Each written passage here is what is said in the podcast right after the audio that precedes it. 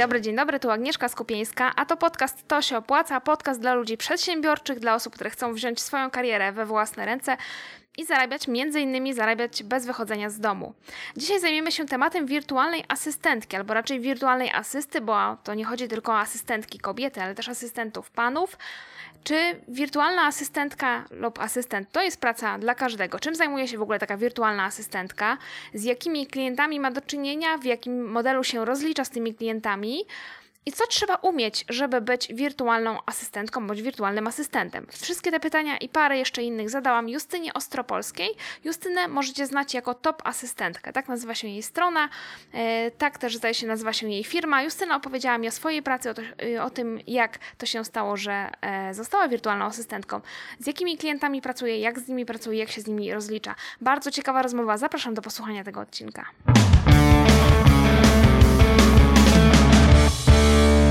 Cześć Justyno. Cześć Agnieszko. Bardzo jestem ciekawa, jak to się stało, że zostałaś e, wirtualną asystentką, bo czytałam na Twojej stronie, że z zawodu jesteś e, w zupełnie innej branży, czyli byłaś finansistką. E, tak, tak. Jako finansistka, konkretnie bankowiec, pracowałam 18 lat. Zaczęłam już w przedszkolu, jak się domyślasz. A tak naprawdę podczas studiów właśnie na kierunku finanse i bankowość. I ta praca bardzo wiele mi dała. Nauczyła mnie odpowiedzialności, dobrej organizacji pracy, współpracy z ludźmi, z trudnymi klientami, jak to, jak to w banku. E, a ostatnie kilka lat przepracowałam na stanowisku naczelnika. I niby było fajnie, niby było w porządku, ale jednak zaczęła mi przeszkadzać monotonia, te wszystkie procedury, niemożność wykorzystania jakiejś takiej własnej kreatywności, tam wszystko było od do. Y, I jeszcze urodziły się moje dzieciaki, więc jakby kolejne, kolejne obowiązki. Jakby ta praca zaczęła mi kolidować, znaczy coś z czymś zaczęło kolidować tak naprawdę. Y, I stwierdziłam, że w sumie nie po to urodziłam dzieciaki, żeby ich nie widywać albo ewentualnie pocałować na dobranoc E, i rzuciłam to korpo. Postanowiłam, że zacznę własny biznes. I y, najpierw otworzyłam firmę, która zajmowała się opieką nad y, dziećmi szkolnymi. E, niestety okazało się, że y, ta działalność generowała bardzo wysokie koszty stałe. E, w zasadzie te koszty zjadały większość zysków i musiałabym pociągnąć jeszcze parę lat, żeby e, były, były efekty. No, ja nie jestem zbyt cierpliwą osobą e, i wpadłam na pomysł, żeby jednak wymyślić sobie taką działalność, która tych kosztów wysokich nie będzie generować. No i tak usiadłam na feriach z kartką, długopisem, prześledziłam swoją karierę, zapisałam sobie, co potrafię, mm, jakie mam pasje, zainteresowania. Okazało się, że jest tego całkiem sporo, bo jednak pracowałam mm, prawie 20 lat I okazało się, że najbardziej kręcą mnie te nowe technologie, social media. No poszedł w ruch wujek Google, on wie wszystko i okazało się, że jest taki zawód jak wirtualna asystentka i on jest właśnie stworzony dla mnie. Dobrze, to powiedz w takim razie, czym się zajmuje wirtualna asystentka, bo myślę, że wśród słuchaczy mogą być takie osoby, które y, pierwszy raz się z tym spotykają i nie wiedzą jeszcze. No myślę, że jeszcze wiele, wiele osób, y, dla wielu osób to jest jakaś nowość. E, dla mnie jest to taka, e, w każdym razie to, co ja robię, tak? To jest taka hybryda specjalista od WordPressa, social mediów, grafika. Mm, tych zadań jakiejś asystentki administracyjnych mam mniej, aczkolwiek wiem, że dziewczyny mają różne, chociaż chłopaki też, przepraszam, mają różne zakresy tych zadań e, i tak najłatwiej mi jest, mi jest mówić o sobie. Dla mnie naj, najchętniej zajmuję się właśnie WordPressem, techniczną obsługą stron, blogów, jakimiś tam poprawkami, czy aktualizacjami. Zdarzyło mi się postawić kilka stron, chociaż e, mam do tego dewelopera, ale bardzo mnie to kręci. Więc jak mam tylko taką możliwość, nie jest to jakieś wielkie, wielkie wyzwanie, wielkie przedsięwzięcie, to, to chętnie, biorę, chętnie biorę też e, sama w tym udział. E, zajmuję się techniczną obsługą podcastów, poza oczywiście nagraniem i montażem, bo tego nie potrafię. Obsługuję blogi, robię korekty tekstów, poprawiam wyglądy wpisów, uzupełniam SEO wyszukuję, przygotowuję grafiki, jakieś cytaty. Zdarza się, że sama piszę teksty, aczkolwiek to nie jest jakiś e, mój, e, mój konik. Nawet na mojego bloga e, jeden tekst to piszę dwa tygodnie, więc nie, w tym się na pewno nie specjalizuję. Poza tym oczywiście media społecznościowe, komunikacja z fanami, grupy na Facebooku, posty, grafiki. To jest jakby takie główne zadania, którymi się zajmuję. To strasznie jest y, jakby duży przekrój, bo z jednej strony WordPress, z drugiej strony blogi, z trzeciej podcasty, z czwartej jeszcze mówisz grafika i tak się zastanawiam, kto korzysta z takich usług. Jakie, czy to są klienci indywidualni? Chyba nie. Czy to są jakieś małe firmy, czy też większe? Jak to wygląda? Mm, u mnie y, głównie są to, y, są to klienci, blogujący przedsiębiorcy, podcasterzy, osoby, które prowadzą kurs, kursy, y, coachowie, tudzież coachinie, wyższa kadra akademicka, chociaż zdarzają, zdarzają mi się też korporacje, więc tutaj ten przekrój jest dość duży, ale głównie są to osoby prowadzące działalność gospodarczą. I w jaki sposób te osoby na ciebie trafiają? Czy ty się jakoś reklamujesz, jakoś do nich sama docierasz, czy to bardziej oni na twoją stronę, czy przez polecenia? Może jak to wygląda? Mm, zazwyczaj trafiają do mnie y, przez stronę. Y, z tego, co zdarza mi się robić, robić wywiad, to właśnie głównie jest to strona, media społecznościowe y, plus polecenia. Ja e, sama się nie reklamuję, jeszcze e, do, do tej pory mi się nie zdarzyło e, zapłacić Zuckerbergowi za reklamę i jakoś ci klienci sami, sami do mnie trafiają. A czy możesz mi zdradzić, jak, jak, w jaki sposób pozyskałaś pierwszego klienta, bo, albo jednego z pierwszych, bo mówisz, że, że właśnie w pewnym momencie stwierdziłeś, że o, zostaniesz tą wirtualną asystentką, no to domyślam się, że nie miałaś e, jakiejś już bazy klientów, jak otwierałaś tą firmę. Nie, nie miałam bazy klientów. Stwierdziłam, że najpierw, jak już wymyśliłam, to myślę najważniejsza jest jakby e, strona, fanpage na, e, na Facebooku i to była pierwsza rzecz, którą zrobiłam, e, a później zrobiłam stronę internetową. A że lubię sobie pogadać, jestem osobą gadatliwą i tak samo lubię sobie pogadać na Facebooku, więc bardzo często mm, komentuję różne wpisy moich ulubionych blogerów czy podcasterów i ten mój pierwszy klient właśnie do mnie, do mnie trafił, stąd, że mnie zauważył e, na Facebooku. I znalazł moją stronę i, i, i stąd, stąd ta nasza współpraca, która zresztą już, już trwa bardzo długo. Świetnie, czyli w ogóle jest jakiś zupełnie inny model niż na przykład ja zaczynałam, bo ja przez jakieś tam ogłoszenia szukałam pierwszych zleceń, a ty zupełnie innej, innej bajki tych klientów znajdujesz. Tak, nie, nie udało mi się jeszcze nigdy z, z żadnego ogłoszenia, chociaż e, ogłaszałam się na któryś z tych e, portali ze zleceniami, czy odpowiadałam na zlecenia, ale tam te stawki są e, nie do przyjęcia i e, miałam kilka, kilka zapytań, ale to były właśnie zapytania dotyczące sprzedaży, którą ja się nie zajmuję, więc tak naprawdę z tych jakichś portali ogłoszeniowych nigdy nie miałam żadnego klienta. Mhm. A właśnie jeszcze a propos tych stawek, ciekawa mnie taka rzecz, czy ty się rozliczasz z klientami za godzinę pracy, czy za jakieś zrealizowane zadanie i czy jakby klienci mają swoje zdanie na ten temat? To znaczy, ty im mówisz, że rozliczasz się tak, a oni mówią, nie, nie, bo ja bym chciał inaczej.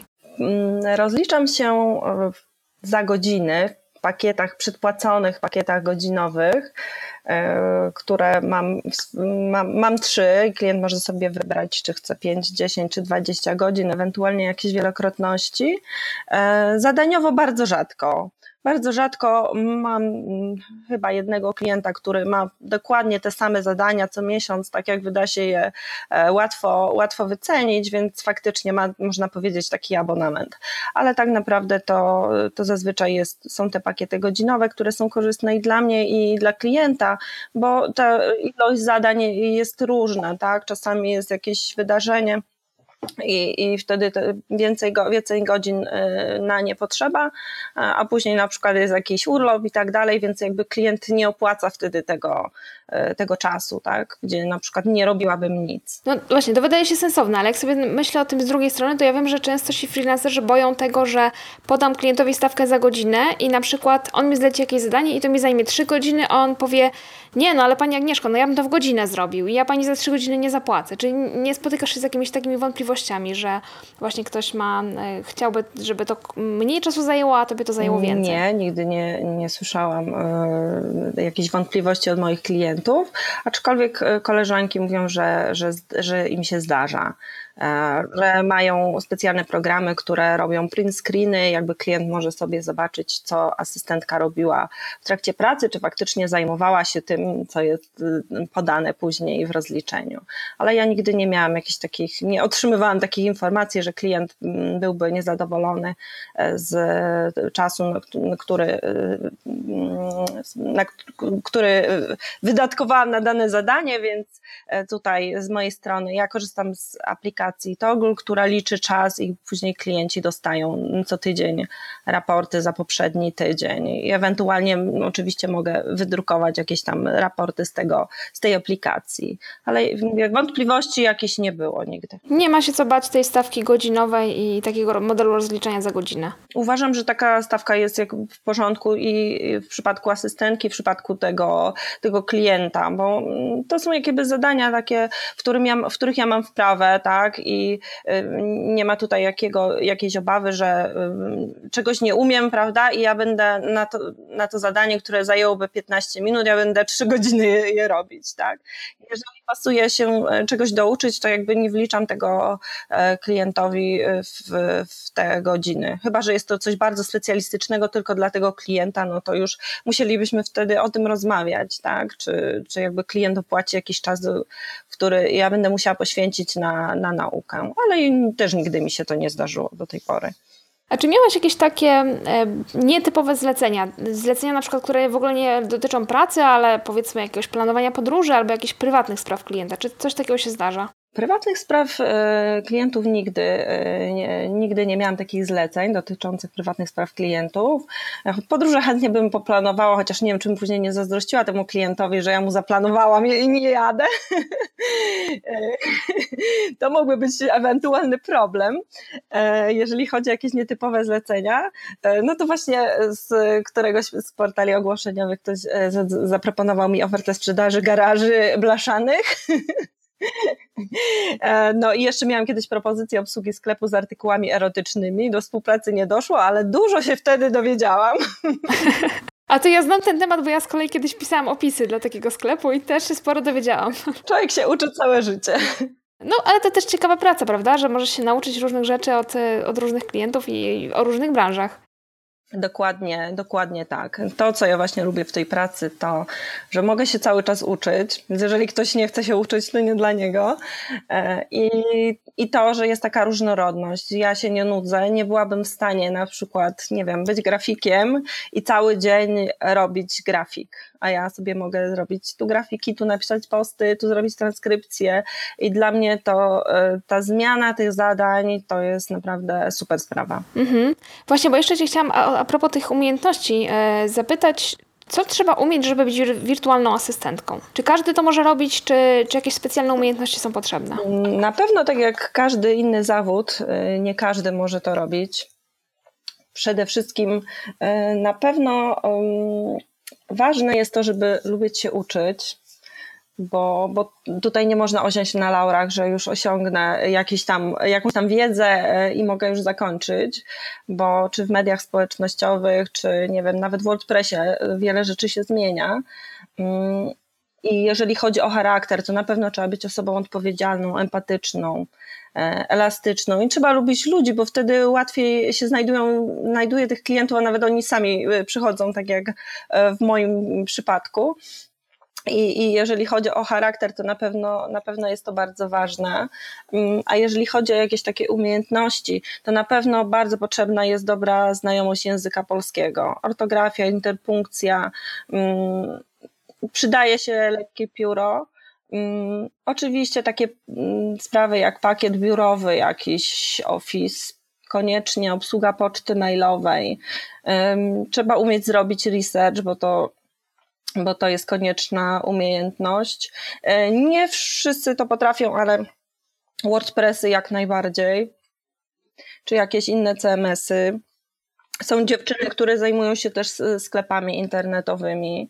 No nie jest to konieczne, tak, bo mamy jakieś tam swoje działki, ale też to może się przydać. Oczywiście znajomość mediów społecznościowych, mm, jakichś programów do mailingu. To są jakieś takie mm, podstawowe programy, które mi się w tym momencie e, tutaj przychodzą, przychodzą do głowy. Czyli w sumie całkiem, całkiem tego dużo, czyli nie jest to tak, że jak mogłoby się wydawać, że nie mam pomysłu na siebie, chciałbym pracować w domu, to co ja mogę robić? A no to może będę wirtualną asystentką, tylko musisz mieć już e, no, jakieś ogarnięcie w tym wirtualnym świecie. Trochę trzeba by było mieć. Tak, na pewno, na pewno. Ja ostatnio obserwuję wysyp wirtualnych asystentek, bo wielu osobom się wydaje właśnie, że to taka praca łatwa i przyjemna. Łatwa to taka nie jest wcale, przyjemna, no, no jak ktoś lubi to robić, to jak najbardziej. E, ale no i później się niestety zdarzają e, opinie e, złe o wirtualnych asystentkach. Nawet wczoraj miałam rozmowę z panem, że asystentka umówiła się na godzinę, po czym nie odebrała telefonu, odrzucała telefony, połączenia dokładnie. I, i, no i mówi, no o, o, co tutaj w zasadzie chodzi? I to jest właśnie taki problem, że wydaje się, że to jest takie proste i przyjemne, będę sobie siedzieć w domu, e, kasa wpływa mi na konto, jest świetnie. No a tu trzeba się naprawdę zmobilizować. No wiadomo, jak to praca w domu, nie mam tego szefa, a klienta, no to nie odbiorę telefonu, prawda, i po, i po problemie, e, więc to naprawdę trzeba, e, trzeba tutaj się pilnować i umieć sobie organizować czas. No właśnie, a propos organizacji czasu, to ja wiem, że ty jesteś mamą i czy da się zorganizować e, pracę w domu z opieką nad dzieckiem, połączyć to jakoś? Da się, jak najbardziej. E, z tym, że tak jak w moim przypadku, ja mam starsze dzieci, mam dzieci szkolne e, i moja praca rozciąga się w zasadzie od rana do wieczora. E, teoretycznie zaczynam pracę o 9, kończę o 15, ale tak praktycznie to nieraz y, pracuję do późnego wieczora, bo dzieciaki chodzą na zmiany, zdarza się jakaś wizyta u lekarza, trzeba pomóc odrobić lekcje i tak dalej. Wiadomo, obowiązki różne, różne domowe, więc ja tak sobie to nazywam, że ja pracuję w systemie pracy przerywanej. Ale mi to nie przeszkadza. Pomaga też y, oczywiście, jak są wolne dni w szkole, tak? Bo jeżeli ktoś jest na etacie, no to jednak ma problem, bo szef może mu powiedzieć, że sorry, ale na urlop nie pójdziesz. Albo już te dni urlopowe już się zakończyły i co teraz zrobić? E, a ja no muszę się troszkę zorganizować, pogłówkować, ale no daję radę to wszystko połączyć. No im dzieciaki są starsze, to, e, to jest na pewno łatwiej. Czyli da się to tak ogarnąć, żeby, e, bo ja sobie wyobrażam, że asystentka to jest taki ktoś, kto musi być pod ręką. Czyli ty nie jesteś taką osobą, która dla tego klienta jest zawsze dostępna, tylko e, masz jakieś zadania, które realizujesz wtedy, kiedy tobie to odpowiada. E, powiem Ci, że ja jestem mniej więcej dostępna, bo ten telefon i komputer mam, mam przy sobie, nawet jak jestem z dzieciakami, ale w zasadzie większość zadań moich klientów, oni wysyłają mi czy mailem, czy poprzez programy typu Asana czy Trello i jakby ja tutaj decyduję o tym, kiedy dane e, zadanie wykonam. Oczywiście znam jakieś tam mm, terminy, w których e, trzeba, trzeba się zmieścić i tutaj mm, klienci nie mają jakichś konkretnych wymagań, tak, że ja muszę w tych i w tych godzinach. Nie prowadzę jakiejś obsługi typu, nie wiem, obsługa telefoniczna sklepu internetowego, tak, że muszę być dostępna w tych i w tych godzinach mm, pod telefonem. Mm, ale dla moich klientów zawsze jestem dostępna właśnie pod telefonem czy, czy na mailach i tutaj nie ma, nie ma problemu, że na przykład gdzieś tam jestem, jestem z dzieciakami. Nigdy mm, nie było jakichś wątpliwości, tak, że o tej o tej godzinie powinnam siedzieć przy komputerze. Teraz w tych jakby no, wszystkich sprzętach, które mamy dostępne, to e, wszystko można zrobić też przez telefon. No tak, wystarczy się tylko trochę nagimnastykować, jakoś to sobie poukładać. A czy ty pracujesz e, sama, czy pracujesz w zespole? Czy, czy wirtualna asystentka może mieć jeszcze asystentkę? O tak. Może mieć, może mieć zespół, może mieć asystentkę. Ja akurat pracuję w takim modelu, że mam asystentkę, e, dzięki czemu no jestem, jestem spokojna, że jeżeli cokolwiek by się stało, e, to mam to zastępstwo. Jeżeli jest jakiś nawał pracy, no bo zdarza się, tak, mam kilku klientów, różna jest ta liczba, ale wiadomo, że może się okazać, że w dany dzień jest jakiś nawał pracy, który jednak trzeba wykonać, więc we dwie jest, e, jest dużo łatwiej. I, I, wiem, że w przypadku jakichś niespodziewanych wydarzeń nie zostawię swoich e, klientów na lodzie. To, dla mnie to jest najważniejsze. Mm, wiem, że są mm, też mm, agencje wirtualnych asystentek, czyli że jakby można te zadania oddelegować różnym osobom, ale ja tego nie robię. Zastanawiałam się nad takim modelem, ale jakby czuję się odpowiedzialna za te wszystkie zadania, które moim klientom wykonuję i nie wyobrażam sobie, że mogłabym je komuś oddać, jakby nie mając później e, kontroli, pieczy nad tym, czy to faktycznie jest w terminie, czy nie ma jakichś błędów, więc y, jakby ten model, który ja wybrałam, to jest właśnie e, to, że ja mam wirtualną asystentkę, ale de facto ja wszystko kontroluję mm, i ja tutaj sprawuję pieczę nad tymi zadaniami dla moich klientów i ja za to odpowiadam. Mhm. A skoro masz swoją asystentkę, to może mi y, odpowiesz na pytanie, na co zwracać uwagę, jak się szuka asystentki? Jak taką dobrą wirtualną asystentkę rozpoznać?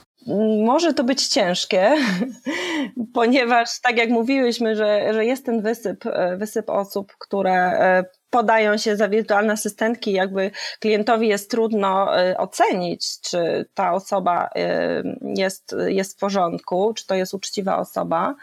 Mm, to, co mogłabym poradzić, to przede wszystkim czytanie opinii, ewentualnie polecenia innych osób, y, sprawdzenie, czy ta osoba podaje jakieś jasne warunki współpracy, czy ma umowę, umowę o poufności no bo jednak powierza się różne tajemnice firmowe, biznesowe, strategie, mm, no, czy wystawia fakturę, no ewentualnie jeżeli ktoś na umowę zlecenie, to też myślę, nie jest to jakiś, e, jakiś problem. Czy właśnie jeżeli się umawia, to e, faktycznie jest na, w tym czasie, który żeśmy ustalili, nie odwołuje spotkań bez jakiejś poważnej przyczyny.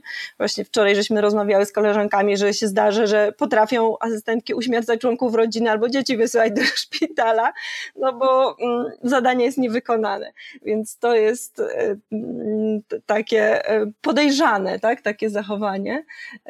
Co jeszcze? No na pewno czy czujemy chemię z daną osobą, bo prawda, ta asystentka może być jak najbardziej w porządku, tylko może nam nie odpowiadać charakterologicznie, tak?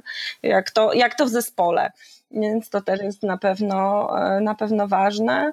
Mm, możemy troszkę e, poszpiegować w mediach społecznościowych, zobaczyć jak ta osoba się wypowiada, więc też można e, jakby mm, wyczuć, tak, czy to jest, czy to jest ten nasz, nasz klimat czy, czy jakby rozumie to, że pracuje dla, dla czyjegoś dobra, dla czyjegoś projektu. To, to, to moje hasło, które ja zawsze powtarzam i, i dla mnie jest tak, takie istotne. Twój biznes to mój biznes i dla mnie to jest jakby taka e, takie credo, tak, że, że jakby jak robię coś dla klienta, to tak jakbym robiła, robiła dla siebie. To jest bardzo, bardzo istotne.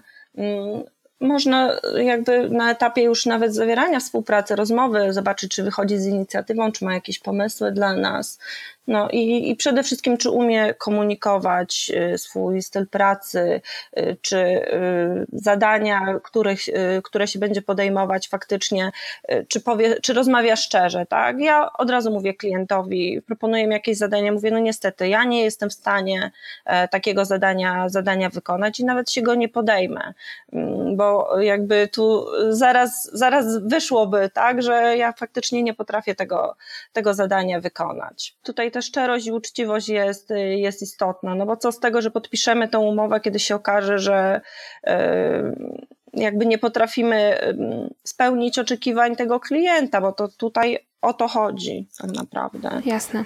A to teraz patrząc z drugiej strony, jeżeli ktoś ze słuchaczy po tej rozmowie stwierdzi, że wirtualna asystentka to jest, czy asystent to jest y, praca dla niego, to czy jest jakaś jedna rada, którą mogłabyś dać takiej osobie, która chciałaby właśnie w tym zawodzie zacząć pracować? Jednej rady to jest, myślę, bardzo, bardzo ciężko dać, y, ale mm, przede wszystkim warto sobie zadać parę pytań. Czy jest się pewnym, że potrafi się zmotywować do pracy w domu, gdy właśnie nie ma tego szefa nad głową. No i czy praca w domu to, to jest to twoje marzenie, tak? Bo nie wszyscy lubią pracę w domu. E, może wolą iść do biura, czy pracować w jakimś zespole i wtedy mogłoby być, e, mogłoby być ciężko tak um, siedzieć w domu samotnie, sam na sam z komputerem. Trzeba się zastanowić, czy lubi się uczyć i, i czy jakby te umiejętności, które mamy, czy które chcemy posiąść, to one przydadzą się mm, jakimś klientom, jakimś osobom, tak? Bo to jest, y, y, to jest tutaj podstawa, tak? Że możemy sprzedać te swoje, y, swoje umiejętności. Że ktoś będzie chciał za nie zapłacić. Dokładnie tak. Super, bardzo, bardzo fajna rada. E, a jeszcze w ogóle na sam koniec chciałabym Cię zapytać o narzędzie. Czy jest jakieś narzędzie, bez którego Ty nie wyobrażasz sobie pracy? W którym się rozliczasz z klientami, przedstawiasz raporty? Czy mogłabyś powtórzyć też, jak ono się nazywa? To jest narzędzie Toggle. T-O-G-G-L. Okej, okay, podlinkujemy gdzieś w, notatkach do tego odcinka. Mhm.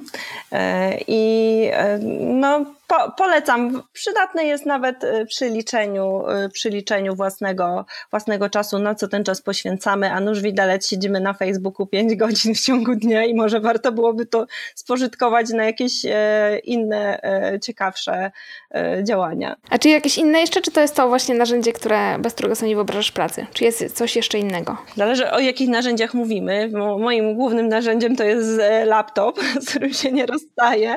Wędruje ze mną po domu, domu, zdarza mi się praca w kawiarni, a podczas wakacji to e, na, na placu zabaw e, nawet pracuję. To jest takie e, narzędzie, a jeżeli chodzi o jakieś programy, mm, to też narzędzie Asana do pracy zespołowej. Bardzo się to przydaje i w pracy właśnie z klientami, i z moją asystentką. Mm, pomaga w zorganizowaniu pracy, y, łatwo, łatwo sobie to wszystko tam e, poukładać tak, żeby było dobrze, bo jednak są różne deadlines dla różnych klientów e, i tutaj, tutaj to w tym narzędziu łatwo, łatwo zobaczyć i jeżeli ktoś pracuje w zespole albo nawet też potrzebuje do jakiejś takiej własnej, do organizacji jakichś własnych zadań, to też to zadanie, też to, ta aplikacja czy program, bo on jest i na, e, i na komputery, i na i na urządzenia mobilne, to na pewno, na pewno jest bardzo przydatne i mogę je polecić. Świetnie, to bardzo Ci dziękuję za to polecenie. I jeszcze na sam koniec chciałabym Cię zapytać, gdzie można Cię spotkać w sieci? E, zapraszam do, na Facebooka, na mój fanpage Top Asystentka. E, moja ofertę, moją ofertę znajdziecie na www.topasystentka.pl. No i zapraszam też na taką grupę, którą z trzema koleżankami, wirtualnymi asystentkami założyłyśmy właśnie dla przedsiębiorców. Grupa nazywa się Wirtualna Asystentka Jak rozpocząć współpracę? Grupa dla przedsiębiorców. Więc myślę, że jeżeli ktoś zastanawia się, czy ma jakieś pytania, dylematy, to na pewno mu pomożemy. Tym bardziej, że jesteśmy we cztery doświadczone y, wirtualne asystentki, to y, na pewno pomożemy czy, czy właśnie wirtualna asystentka to jest, to jest ktoś dla Ciebie. Super, to bardzo Ci dziękuję za, za rozmowę i za te polecenia. E, wszystkie linki do miejsc, z których e, mówiłaś, będą w notatkach do tego odcinka podcastu na to się opłaca.pl ukośnik podcast. Tam się znajdzie link do naszej rozmowy i właśnie do tych Twoich miejsc. Dzięki serdeczne. Dziękuję bardzo.